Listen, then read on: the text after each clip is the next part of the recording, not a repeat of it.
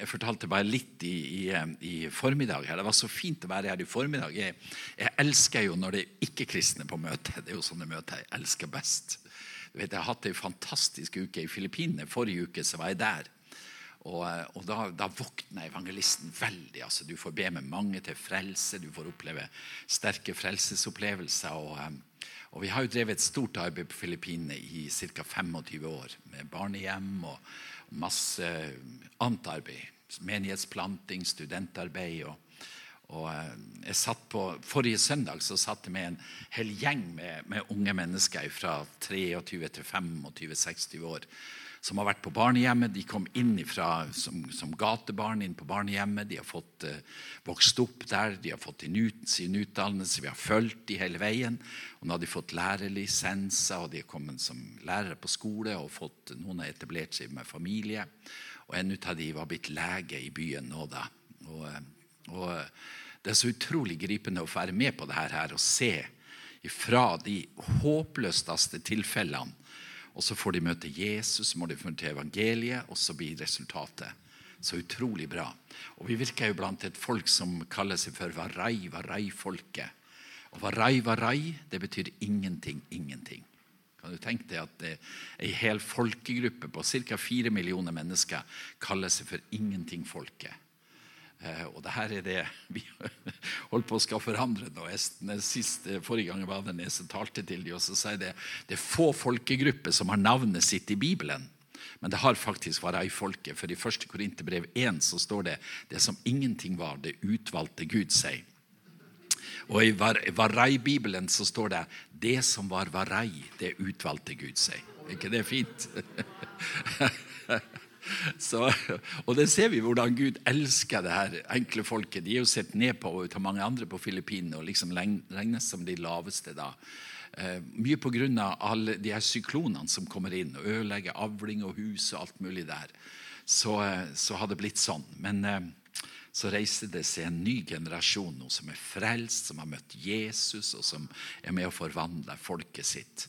Og de her studentene, eller de vi har i studentprogrammet vårt, de sier vi skal bli de beste businessmenn. Vi skal bli de beste politikere, vi skal bli de beste evangelister, vi skal bli de beste pastorer. Og så ned og løfte folket. Og det er utrolig sterkt å være med på det og være involvert i, i sånt prosjekt. Og det er jo bare nåde. Det er jo på grunn av Jesus, da. Det hele.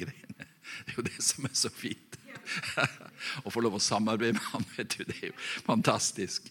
Å få lov å være, se Guds rike gå fram iblant folk som, som, ikke har noe håp utenom det å få lov å komme inn i Guds rike. Så halleluja. Og så hadde jeg jo ligget på med det her veldig med, med bønn. da. Jeg, jeg, er jo litt sånn frekk når jeg kommer rundt i menigheter, så jeg spør hvor mye bønn har dere i menigheten? Har dere bønn hver dag? Ah, så sier de at det, det går jo ikke an. Vi er jo så travel, og vi har så, så, vanskelig å få til.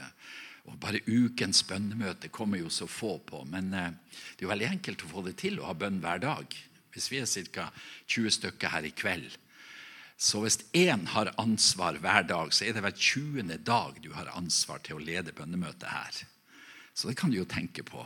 Han Arve, sa at dere har det i huset. Det er bare å komme i gang. Og Jeg, jeg har reist rundt og prøvd å engasjere folk til bønder. Og så er det noen som tar tak i det. Og så, Jeg var i Bergen nå i, i høst, eller før jul. Eller nei, nei, det var etter jul, ja. Og Der ble de så gira på det her at de skulle ha bønn klokka seks på morgenen. Jeg har hatt, hatt veldig mye bønnemøter på klokka seks på morgenen. Uh, og så sa jeg vet du ikke grunnen til at hvordan, hvor det er enkelt å ha bønn klokka seks på morgenen. Og det er jo fordi at da har ikke folk så mye annet å gjøre. Ikke sant? Da kan du ikke unnskylde med at du er på jobb. eller noe sånt her. Og så vet du hva jeg opplever på sexbønnemøtene? Det er ofte at det er mye mannfolk som kommer dit. Og de kommer før de går på jobb. Så kan de komme og be til Gud.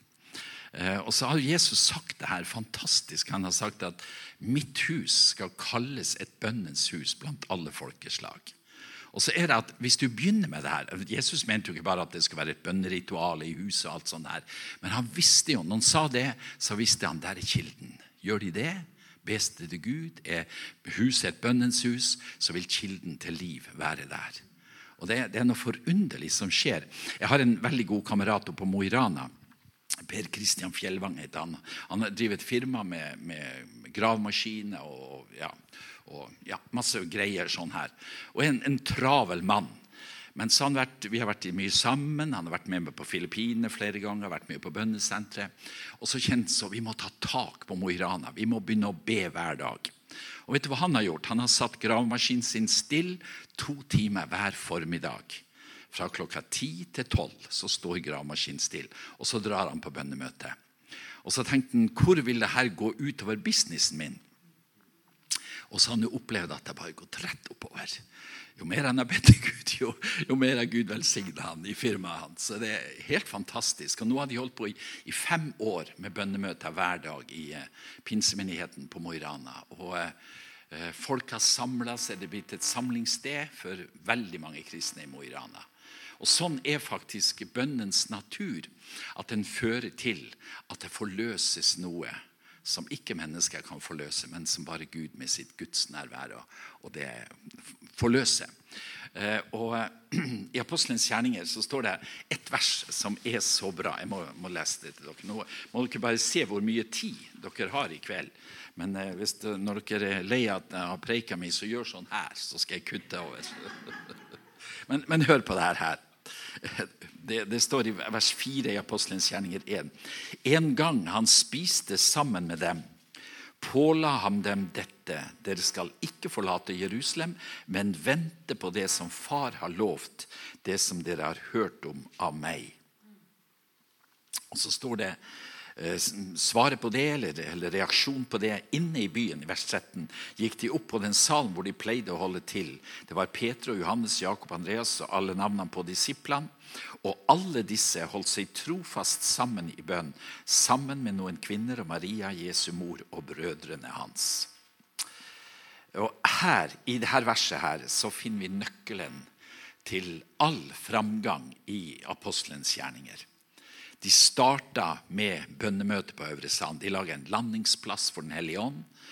Og når Jesus sa at skal, dere skal vente også, Det ordet som står 'påla' her i min bibeloversettelse, det er et, et militært uttrykk som er en befaling. Han befalte de og sa at dere skal vente på det som Faderen har lovt. Og Det her var utgangspunktet for vekkelsen i apostelens gjerninger. Og Hvis du ser i apostelens gjerninger, så finner du det igjen og igjen. De gjør det samme. De praktiserer det her utover. De ber, de søker Gud, og så bryter det igjennom. I by etter by etter by så skjer det samme. Men bønn ligger liksom som, som et grunnlag, som et fundament for vekkelsens hus. Der ligger grunnmuren, heter bønn. Og Derfor så ber de til Gud, og så skjer det her igjen og igjen. Og Vi har mange sånne gjennombruddsvers i, i apostelens gjerninger. Da de hadde bedt, skalv det stedet der de var samlet. De ble alle fylt av Den hellige ånd. Og så ser vi igjen og igjen hvordan det bryter igjennom. Og så tenker jeg på, på mitt liv som evangelist. Jeg fikk kallet til å bli evangelist i et bønnemøte, et enkelt bønnemøte oppe i Bodø. Jeg var blitt frelst, hadde vært på sildfiske her nede på Mørekysten og fått sølvsilda og alt det der, der som fulgte med storsildfiske i den tida der.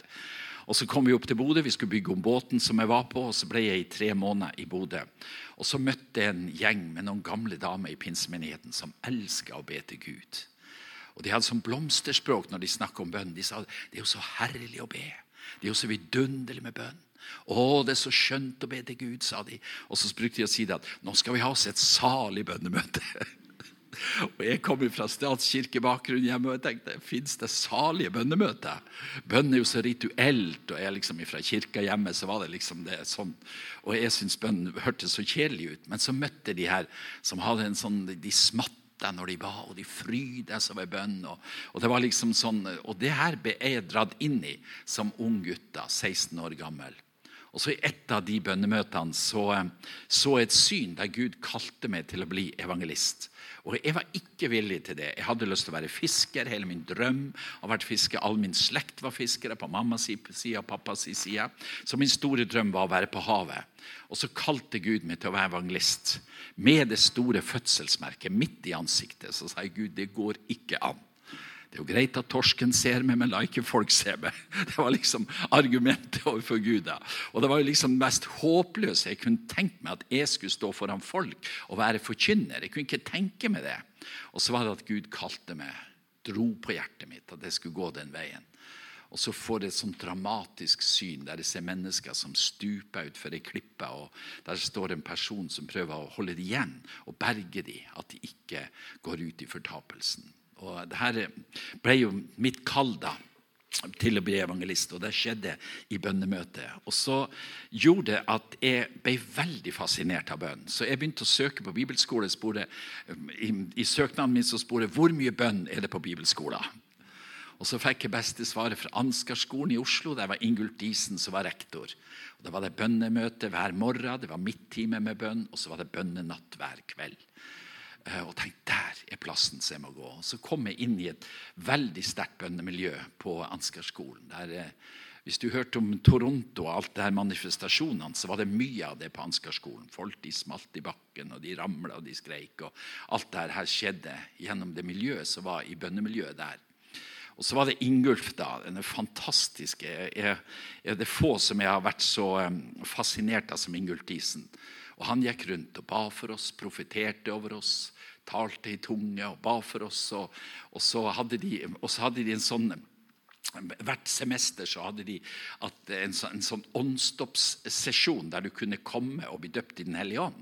Og det var En fra Mangsvekkelsen som heter Simon Thors. Han hadde et kontor der. og Så sto vi i lang kø, alle de som ikke var døpt i Den hellige ånd. Vi var inne på kontoret hos Simon Thors. og så ble vi fylt av Den hellige ånd. Så kommer vi ut tungetalende. og så hadde vi vært gjennom den runden. Og så var det faste og bønn, og vi søkte Gud. Og vi gråt og ba for landet og for folket vårt. Og så plantes det i noe med, i med mulighetene som ligger i bønn. Og jeg tror at dette er noe som fungerer på ethvert sted, til enhver tid, under enhver sesong, der mennesker vil be til Gud. Der kommer det et gjennombrudd, og der skjer det en forandring. Og jeg, når jeg reiser rundt, så har jeg så lyst til å, å plante det her i folk sitt liv. Troen på at det nytter å be til Gud. Troen på at det skjer en forandring når vi ber til Gud. Så jeg har bare lyst til å oppmuntre deg til det. Og snakker vi om det at vi skal prøve å ta bønnemøte klokka sju i morgen tidlig her får vi ta en test på det her, om det fungerer. Se hvor mange som kommer. Men, men det, er ikke, det, er ikke, alltid så mange, om hvor mange som kommer heller. Men, men at, at, at, det er noen, at ilden på en måte brenner på huset. Det tror jeg er viktig. Og jeg har sett at kanskje bare noen, noen, få stykker har skapt en forandring ved at de har møttes og bedt til Gud. Jeg har, jeg har, stått i en del vekkelser opp igjennom. og Hvis jeg ser på historikken til enhver vekkelse som har vært med på, så har det alltid vært noen bønnefolk som har vært årsaken til denne vekkelsen. Jeg sto i en veldig sterk vekkelse i Karasjok i 88 og 89, som starta egentlig Øst-Europa-arbeidet og også fløt ut fra den vekkelsen. Og Da var det en selvmordsbølge som hadde gått over Karasjok. Over, over, lang tid så hadde det vært mye selvmord i, i Karasjok. De regner med at det er ca. 70 mennesker som hadde tatt sitt eget liv i løpet av noen år da, i den tida der i Karasjok. Og så Den siste perioden så var det tolv unge mennesker som hadde begått selvmord. og Det var fullstendig kaos i, i Karasjok. Nød på skoler, i ungdomsmiljøet. Og Til slutt så var det helse- og sosialsjefen som sa at nå må de kristne komme og hjelpe oss. Vi har brukt psykologer inn i skolen. De har prøvd alt. Og stadig så ruller bare nye mennesker som tok sitt eget liv. Og så var det at Pinsepastoren han ringer meg og sier kan du komme oppover og, og hjelpe oss i Karasjok. Og Så reiste vi oppover. Jeg hadde med meg ti unge mennesker. Som, og vi, vi, vi, gjorde alt som sto i vår makt for at det skal bli en forandring. Vi hadde masse skoletimer, vi var inne på diskoteket, pubene, vi sto på gata. Vi prøvde alt for at det skulle skje noe i Karasjok, og ingenting skjedde. Det var helt totalt dødt i bakken. Ingen ville komme til pinsekirka. og, og ja, Vi var så frustrert. Og så bestemte vi oss for at, at vi må gå i faste og bønn. Vi må begynne å faste og be her. Men så var det så sterkt, for det var tre enkle mennesker som hadde ligget i kirka da, i tre måneder. Hver morgen klokka seks så hadde de møttes og bedt til Gud. En som heter Amund, en som heter Hjalmar og en som heter Siri. Og Det var liksom de, de mest eh, ja, forakta folkene i Karasjok. De var sett ned på. Siri var psykisk, eh, har vært inne på psykiatrisk mye. og Amund var en, eh, en nyfrelst alkoholiker og som kunne stå med hendene oppløfta i to timer. Han sto alltid når han ba, så sto han med hendene rett opp. Og Det er ikke fysisk mulig, men sånn sto han. Kunne stå gjerne to timer. Og Hjalmar han var kven, snakka dårlig norsk, så vanskelig å forstå han. Men de her tre de hadde ligget der og ropt til Gud om vekkelse over Karasjok. Og til slutt så var vi så desperate at vi sa at hvis, Gud, hvis ikke du kommer nå og hjelper denne bygda vår, så har vi ikke lyst til å leve. Du må ta oss herifra hvis det ikke skjer et gjennombrudd. Og Så fikk vi lov å koble oss på denne, de her tre enkle forbedrerne med faste og bønn, og så søkte vi Gud i sammen. Og så har jeg en sånn eh, ganske original forbeder i Trondheimsområdet som kommer fra Karasjok, som har bedt for meg som evangelist hele livet. da. Og Hun heter Kirsten Anna, og så ringer hun en lørdag formiddag. Og så sier hun sånn her at jeg har vært ute og gått med hund. Hun hadde en ufrelst mann, når hun skulle be, så hun sa hun jeg må ut og lufte hund. Det er jo flott å ha en bønnehund som kan dra deg litt i bønn. Så Kirsten Anna var sånn, og så sa hun i dag har jeg vært ute i skogen med hunden min. Og så har Gud vist meg at i kveld så kommer vekkelsen til Karasjok. Og så sier Kirsten Anna du vet ikke hvor tomt det er. Det er bare mørkt og tomt. Alt. Ingenting skjer. Ja, men i kveld sa hun, skal du se det. Da kommer det til å skje, sa hun. For Gud har vist meg det. Og det kommer ikke bare én bølge, men det kommer flere bølger. Og så skjer akkurat det at den lørdagskvelden så fylles pinsekirka med unge mennesker. Noen hadde med seg brennevin i kirka, noen røyka i kirka. Den gamle pinsepastoren han var rystet. Han sa her er, her er jo djevelens verk, han. At de tar, tar med brennevin i kirka, sa han. Røyker i kirka mi. Og vi var jo så lykkelige. Vi kjente lukta av syndere. Plutselig var de der, alle sammen. Og det første møtet der så var det 13 stykker som tok imot Jesus. Blant annet de som er, er pastorer i pinsemenigheten i Karasjok nå. De tok i, imot det første møtet. Og så braka vekkelsen løs så sto vi der i ukevis og månedsvis, faktisk. Og etter en stund så hadde vi et, et ungdomskor med 75 stykker, 75 nyfrelste, som sto på, på plattformen og lovpriste Gud. Og så var vekkelsen i gang. Og så forvandles egentlig mye i Karasjok. Eh, selvmordsbølga ble brutt. Det gikk mange år før noen tok sitt eget liv i Karasjok. Og Så begynte vi å reise, så åpnes grensen i 1990, og så begynte vi å reise på Kolaløya. Og så starta arbeidet der. Vi så tusenvis av mennesker frelst. Og det her er på grunn av noen som ba til Gud. Og, og Sånn er faktisk eh, bønnens natur, at det er en kilde til vekkelse, en kilde til liv. Og Hvis du snakker med de her oppe i Mo i Rana som har holdt på i fem år med det her nå, så er de så friske. Det er alltid så utrolig interessant å snakke med dem. For hele tida har de noe nytt og friskt som Gud har gitt dem. Og sånn er denne bønnekilden. Hvis vi går den veien som Gud har gitt oss og sagt til oss, så vil vi se at det kommer et gjennombrudd av liv og vekkelse.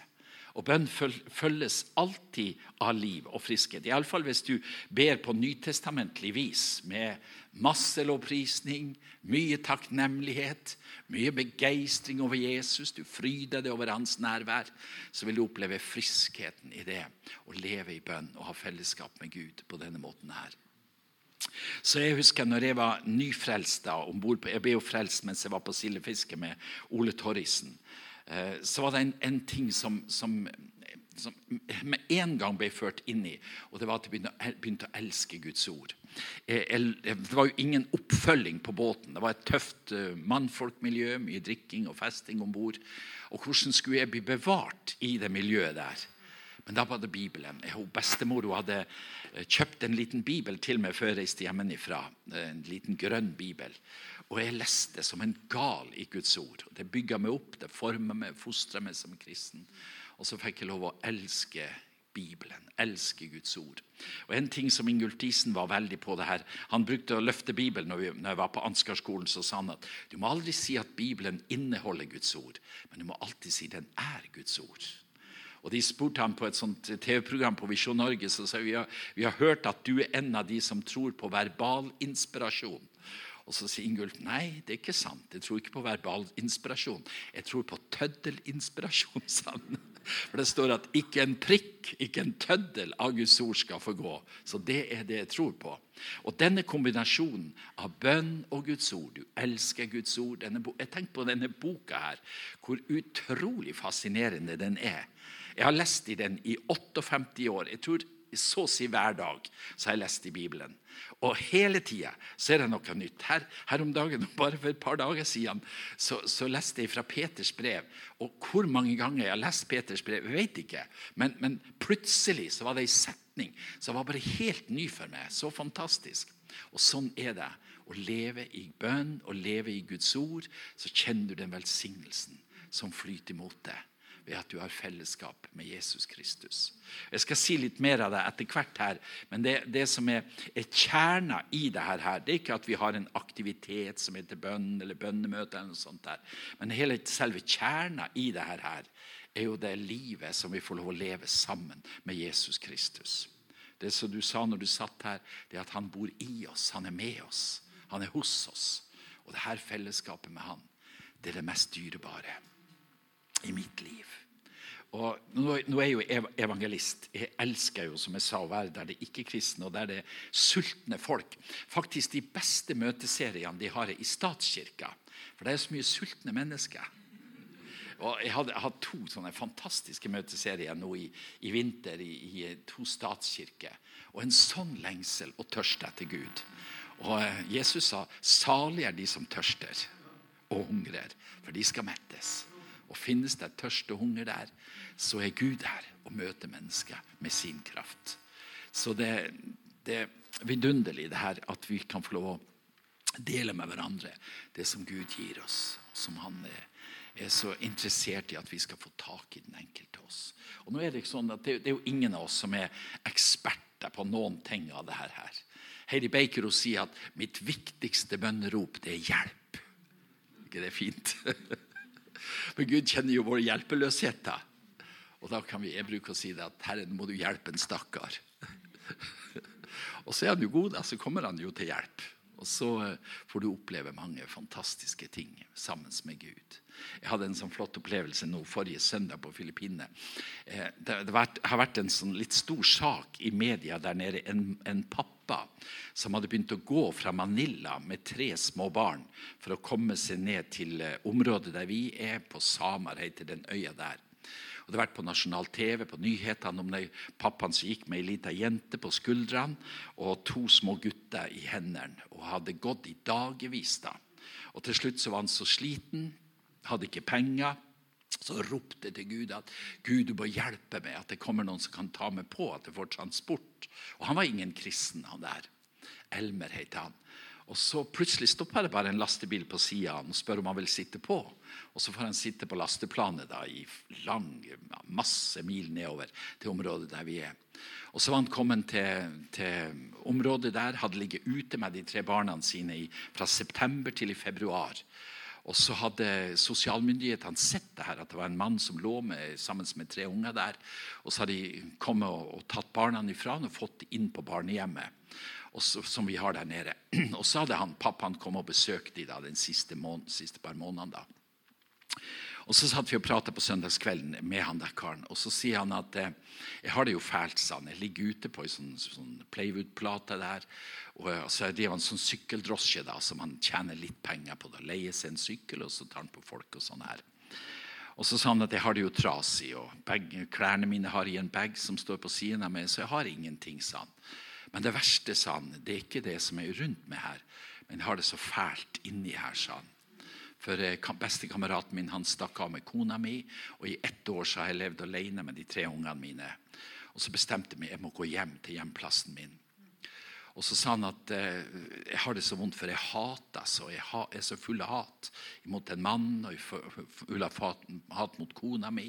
Så jeg har det så fælt. Og Så sa jeg til han at Elmer, vet du at, at det hatet ødelegger ikke bare mann til kona, eller han som er sammen med kona di og kona di, men det ødelegger jo det sjøl. Jeg kjenner det, sa han. Jeg blir helt syk innvendig når jeg tenker på hvordan jeg hater. Jeg har bare lyst til å drepe han mannen der, sa han. Ja, men så sa jeg til Elmer vet du hva som kan skje med deg? Du kan få lov å møte Jesus. Og så kan han ta tak i problemet ditt og begynne å helbrede det fra innsida, sånn at hatet ikke er det som kontrollerer ditt liv. Ja, går det an, sa han. Ja, det går an, sa jeg. Jesus han er helbrederen fra Golgata. Og så leste jeg til han eh, fra Johannes evangeliet 1,12 at alle dem som tok imot ham, kan ha retten til å bli Guds barn. Og så sa jeg har du lyst til å gjøre det her? her? Ja, så sa han jeg har lyst til å ta imot Jesus og bli en kristen. Og Så fikk jeg lov å be med han til frelse, og, og han virkelig møtte Gud. Og Så hadde vi bønnemøte klokka seks neste morgen. Så var alle barna på barnehjemmet samla. Og så kommer Helmer som en helt ny mann. altså Det strålte bare av hele karen. Og så er han med i lovsangen. Og Han har lært spesielt denne sangen 'Goodness of God'. Og han sang av sine hjerteslunges fulle kraft. Og så så du forvandlinga i denne mannens liv hvordan han har fått lov å ta imot Jesus. Og Det å få være med på dette her, det er så stort for meg som evangelist. Å få lov å lede mennesker til Jesus, se at menneskeliv forvandles. Og få lov å lede dem inn i bønn, der Gud kan ta tak i det som ligger i livene deres, til forvandling. Så det er vidunderlig å få lov å leve med Jesus og ha det her fellesskapet med han. Og så kan vi få lov å be og se at ting forløses gjennom bønn. Så eh, det blir fint å være i lag med dere de her dagene og be. Og så flott det Are har fått for denne turen. Eh, det dere har i huset. Tenk på bønnens område. Hvor mye dere har i huset. For et potensial som ligger der. Og Det koster ikke ei krone å ta det ut. vet du Det Det koster ikke en krone å ta ut potensialet som ligger her på bønnens område. Men vi kan forløse. Bare han får litt mer av vår tid, mer av vår oppmerksomhet så er vi på gang. Og så kan Gud gjøre forunderlige ting gjennom enkle mennesker som ber til Gud.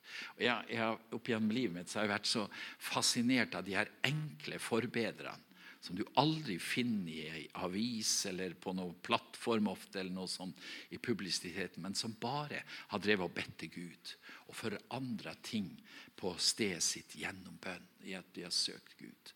Så eh, du har det potensialet i det. Det ligger der.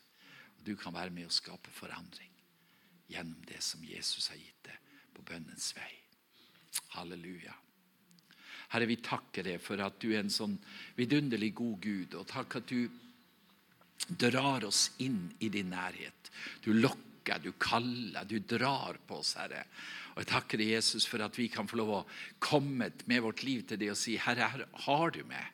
Jeg vil svare ja på ditt kall. Jeg vil, jeg vil, la meg dra ut av det inn i et dypere og sterkere liv sammen med det. Jesus, Jesus, Jesus. Jeg takker deg for menigheten her. Takk for det lyset de får lov å være her i Elnesvågen, Herre. Det salte de får lov å være inne i samfunnet her. Og vi vet at potensialet er enda større, Herre. Saltkraften kan bli enda større ved at mange søker ditt ansikt og drar din velsignelse ned over dette stedet her. Takk, Herre. Du ser oss i dette landet vårt. Du ser travelheten vår, du ser opptattheten, du ser hvordan så mange ting tar vår oppmerksomhet. Herre, men vi ønsker å søke ditt ansikt. Vi ønsker å komme det nær det vi hørte her fra Salme 27, her, denne, denne dype lengselen som lå i, i Davids sitt liv, bare etter å være i din nærhet. Herre, kom og berør oss. Jeg trenger deg for min egen del, og jeg ber for mine venner her. Bare dra oss tett inntil det, så vi preges av skjønnheten i ditt nærvær. Takk, Herre. For du velsigna menigheten her. Og Jeg ber deg, Jesus, om ei, vekkelsestid over Elnesvågen, Herre. At du skal komme her og berøre folket. Du sier det, Jesus, at ingen kommer til meg uten at Faderen drar ham.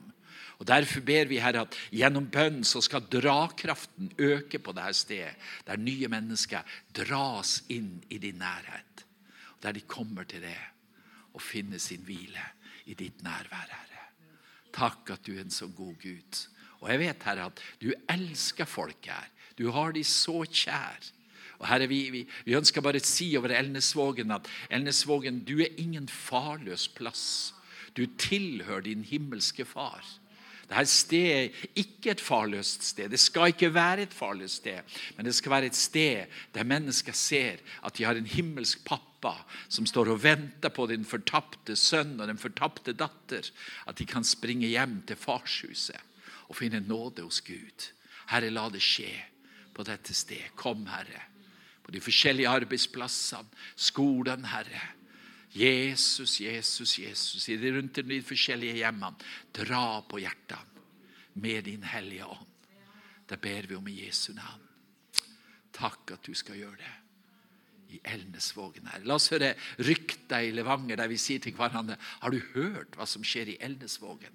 Har du hørt vekk om vekkelsen i Elnesvågen? Har du hørt hvordan Gud går fram på den plassen der? Herre, la det ryktes at du gjør storverk her på dette stedet ved Din Hellige Ånd. Det ber vi om i Jesu navn. Takk at du hører oss, Herre. Og velsigne denne plassen med ditt nærvær og din kraft. Det ber jeg om i Jesu navn. Halleluja. Halleluja. Halleluja. Jeg har et vers, jeg må bare gi det, det til dere som jeg ble så minnet om noe her. Jeg, jeg, når jeg har drevet og bedt nå, jeg ber jo mye for Norge, og vi ber for mange ting. og Spesielt Ukraina har vi jo bedt veldig mye for nå. Men hør på det verset her. Skal vi se her, Fra Hosea skal du høre noe utrolig flott.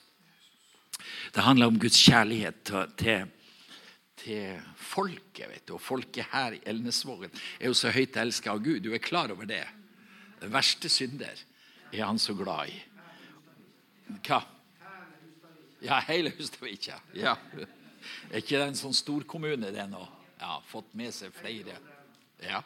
Men hør hva det står fra Hosea 11. så står det Da Israel var ung, fikk jeg ham kjær. Fra Egypten kalte jeg min sønn. Men jo mer jeg ropte på dem, desto mer gikk de bort fra meg. De ofret til balgudene, tente offerild for gudebilder. Men det var jo jeg som lærte Efraim å gå. Jeg tok dem på armen, men de skjønte ikke at det var jeg som helbredet dem. Og så hør vers 4 her. Jeg dro dem med myke bånd, med kjærlighetens tau. Jeg var lik en som løfter et spedbarn opp til kinnet. Jeg bøyde meg ned og ga dem mat. Er ikke det et fint vers? Å være dradd med kjærlighetens tau. Og Det er det som skjer når vi begynner å be målbevisst for mennesker. Så begynner tauet å strammes til. Dras med kjærlighetens tau. Du vet, Jeg hadde en sånn artig opplevelse. Jeg var oppe i Hammerfest. og Så var det ei kinesisk dame som var på møte der og har bodd i, i, masse år i Hammerfest. da. Og Så sa hun til meg at, at jeg er så fortvilt over at mannen min ikke vil ta imot Jesus og bli frelst. Eh, og så fortalte hun hvordan hun hadde bedt for han og, og sånt. Og, og, eh, ja, Kjente bare på en sånn nød for at ikke han hadde tatt imot Jesus. Og sa jeg må stå med deg litt her, og så ber vi for han. Og så mens jeg står og ber, holder han i hendene, eller holder dama i hendene, og så ber jeg, så ser jeg en kar som står i noen hvite klær, og så har han et blått tau rundt magen. Og så er det noen som drar i det, i det tauet som er rundt magen hans. Så sa jeg til henne at nå tror jeg at, eh, at, eh, Herren driver og drar på mannen din, at han skal bli frelst. Du må få med på møtet, sa jeg. Jeg var på torsdagskvelden, og så på søndag formiddag så har hun mannen med seg på møtet. Og så var det ei sånn ivrig, nyfrelst dame som heter Siv der. Hun, hun var på han med en gang at hun må ta imot Jesus. Og så kommer han fram la med, med mamma og tre døtre som står rundt pappa der og gråter og ber. Og Det var tauet da han var dratt inn til frelse og møte, fikk han lov å møte Jesus og bli Guds barn. Og Sånn tror jeg at, at det som skjer Jeg ble, jeg ble frelst pga. at jeg ble dratt med kjærlighetens tau. Pga. forbønn og mamma og bestemor spesielt som ba for meg. Men jeg tror at Gud skal dra på mange her i Elnesvågen og røre ved folket her ved sin Hellige Ånd. Halleluja. Så det er bønn som du kan be for denne plassen. At Gud skal komme med sin herlighet. Um, nå vet jeg ikke hvordan dere skal gå videre, men jeg fikk på en minnelse jeg satt at jeg tror det er noen som har slitt mye med armene sine. Eh, hatt mye muskelsmerter her, i spesielt den høyre armen, og egentlig begge armene. At, du, at Herren ønsker å røre ved deg i kveld og gjøre noe med den saken. Så hvis du kjenner at du har det sånn, så uh, vil gjerne be for det. Og Hvis det er andre som vil ha forbønn eller sykdom, så um, kan du komme. skal vi be til. Jeg har alltid ei salveoljeflaske med meg i lommen. Den har jeg iallfall hatt her i 20 år. jeg må fortelle dere noe utrolig om denne salveolja her. For jeg opplevde noe så sterkt for um, Det blir altså tre år siden nå, i 19, ja, ja, ja, i 19 var det så, så, var jeg så elendig. Jeg har slitt som med hjertet mitt opp igjennom og hatt forskjellige behandlinger. stenting og masse greier. Men så var jeg så dårlig. Og så hørte jeg at det var en plass borti Georgia i USA der det rant olje fra en bibel, og der, der det var så masse folk som ble helbreda. Og jeg tenkte jeg må ta meg en tur dit. Og så dro jeg bortover dit. Og så vi var, Jeg hadde noen gutter med meg fra Alta, så dro vi rundt litt i USA. Så dro vi ned dit. Og så når vi lå på det her eh, gjestehuset, da, vi skulle være med på, de hadde store bønnemøter med ca. 600-700 som kom sammen. Og der skjedde mye helbredelse. Så når jeg våkna på morgenen, så får jeg bibelsted fra Bibelselskapet i Norge. Og hva annet fikk en oljekrukke i Sarepta som ikke gikk tom. Så jeg sa til han kameraten min at det her, hvordan vet de det borti Norge, de her som finner de bibelstedene? jeg det bortover hit, og så får jeg akkurat det her. Og så kom jeg inn i et utrolig flott bønnemøte med enkel lovsang. Og så var det enkle mennesker som ba til Gud. Og så kom Guds kraft over meg der. Og da hadde jeg slitt voldsomt, gått på masse nitroglyserin for å klare å, å liksom få dagen til å gå. Og så plutselig var jeg helt forandra. Så i ett år og åtte måneder så var jeg helt fri. Brukte ikke medisin eller noen ting. Og så i januar i fjor så slo det til på nytt igjen. Og så jeg, Det siste året har jeg slitt veldig med hjertet mitt på nytt igjen. Men det, det forunderlige var å være i det miljøet der der den olja rant. Nå er det noen som blir veldig skeptiske. De tenker at det er noen katolske greier. Her var jo sånn superkarismatiske folk. da. Så, at, så, men, så Hun som var bønneleder der, og kona til pastoren, hun sa det at dette starta for fire år siden ved at det begynte å renne olje i bønnerommet vårt. For hun sa det at Vi var så ivrige å be til Gud, og vi var noen damer som samles i et sånt lite bønnerom. Og Plutselig så, så jeg sånne striper på veggen, og jeg lurte hva det var. og Så gikk jeg bort og så, så, så det var jo olje som rant nedover veggen. Og, og, Så tok jeg fram en sofa, og der var det samla så mye olje ned på gulvet. Og så begynte det sa hun, å skje så mye helbredelse i, i, i miljøet vårt. Så sa hun du må bli med meg ned på bønnerommet, skal du se. For det, det er alltid frisk olje en plass som renner. Og så kom jeg og så, så jeg det var masse striper over veggen sånn her, eh, på mange plasser. Og så sa jeg der har du det. Nei, sa hun, det der, der er gammel olje. Men en plass er det frisk olje, sa hun. Og så gikk vi bort til døra, og der pipla det altså olje nedover veggen. Da starta jeg midt på veggen. Og det var ikke noen mulighet til at det kunne være juks. Det var ingen tank bak, det var ingenting som kunne føre til. Men oljedråpene de rulla nedover veggen sånn her, inne på bønnerommet. Og så sa hun det her er bare et sånt, et sånt, bevis på Guds nærvær. Her kommer Gud, og vi vet ikke hvorfor det skjer, men så skjer det mye helbredelse i området her. Der mange mennesker blir friske. Så eh, denne olja fikk jeg der borte, så den har jeg med meg. Og det, det er forunderlig at den liksom tar ikke slutt heller. Det er så rart. Jeg vet ikke hvor mange jeg har salva og, og bedt for. Og, og, og få lov å be til Gud med mennesker som, som blir, blir helbreda og møter Gud på mange plasser. Jeg tror jo ikke på olja og på dette her, men jeg tror på en Gud som elsker å gripe inn og helbrede. Ja, Jesus han ønsker å gjøre så mye mer enn det vi ser vanligvis. Og eh, vi bare søker han i lag. Ja. Som eh, har skrevet den flotte bønneboka. Eh, som eh, betydde mye for meg i, når jeg var ung evangelist. altså leste om Alfred Lorentzen. Han sa det at hvis du eh, skal grave en kanal på 50 meter for at vannet skal komme inn til stedet ditt, han brukte et eksempel på det, så er det en tragedie hvis du slutter på den 49. meteren. Og Det er mange som har gitt opp, som har begynt å bete, som har tenkt at vi må. Men så var det så lite igjen før det brøt igjennom.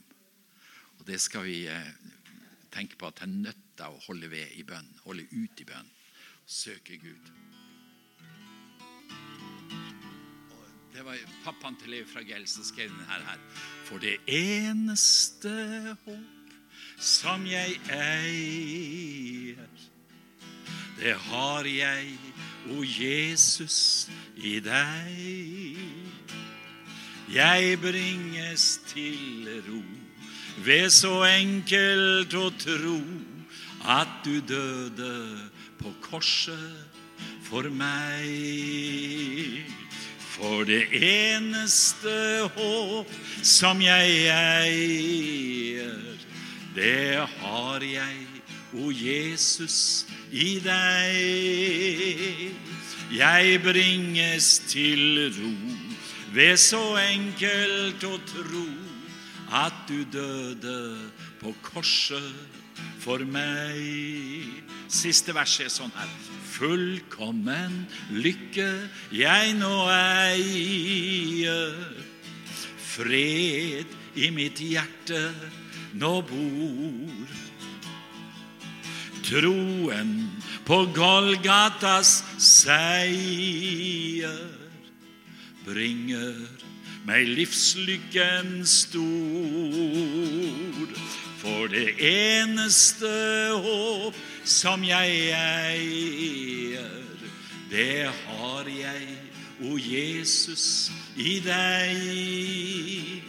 Jeg bringes til ro ved så enkelt å tro at du døde på korset for meg. Og Det skal vi tro når det gjelder helbredelse for sykdom og plager. At det eneste håp som vi eier, det har jeg, o Jesus, i deg. Jeg bringes til ro ved enkelt å tro at du døde på korset for meg. Amen.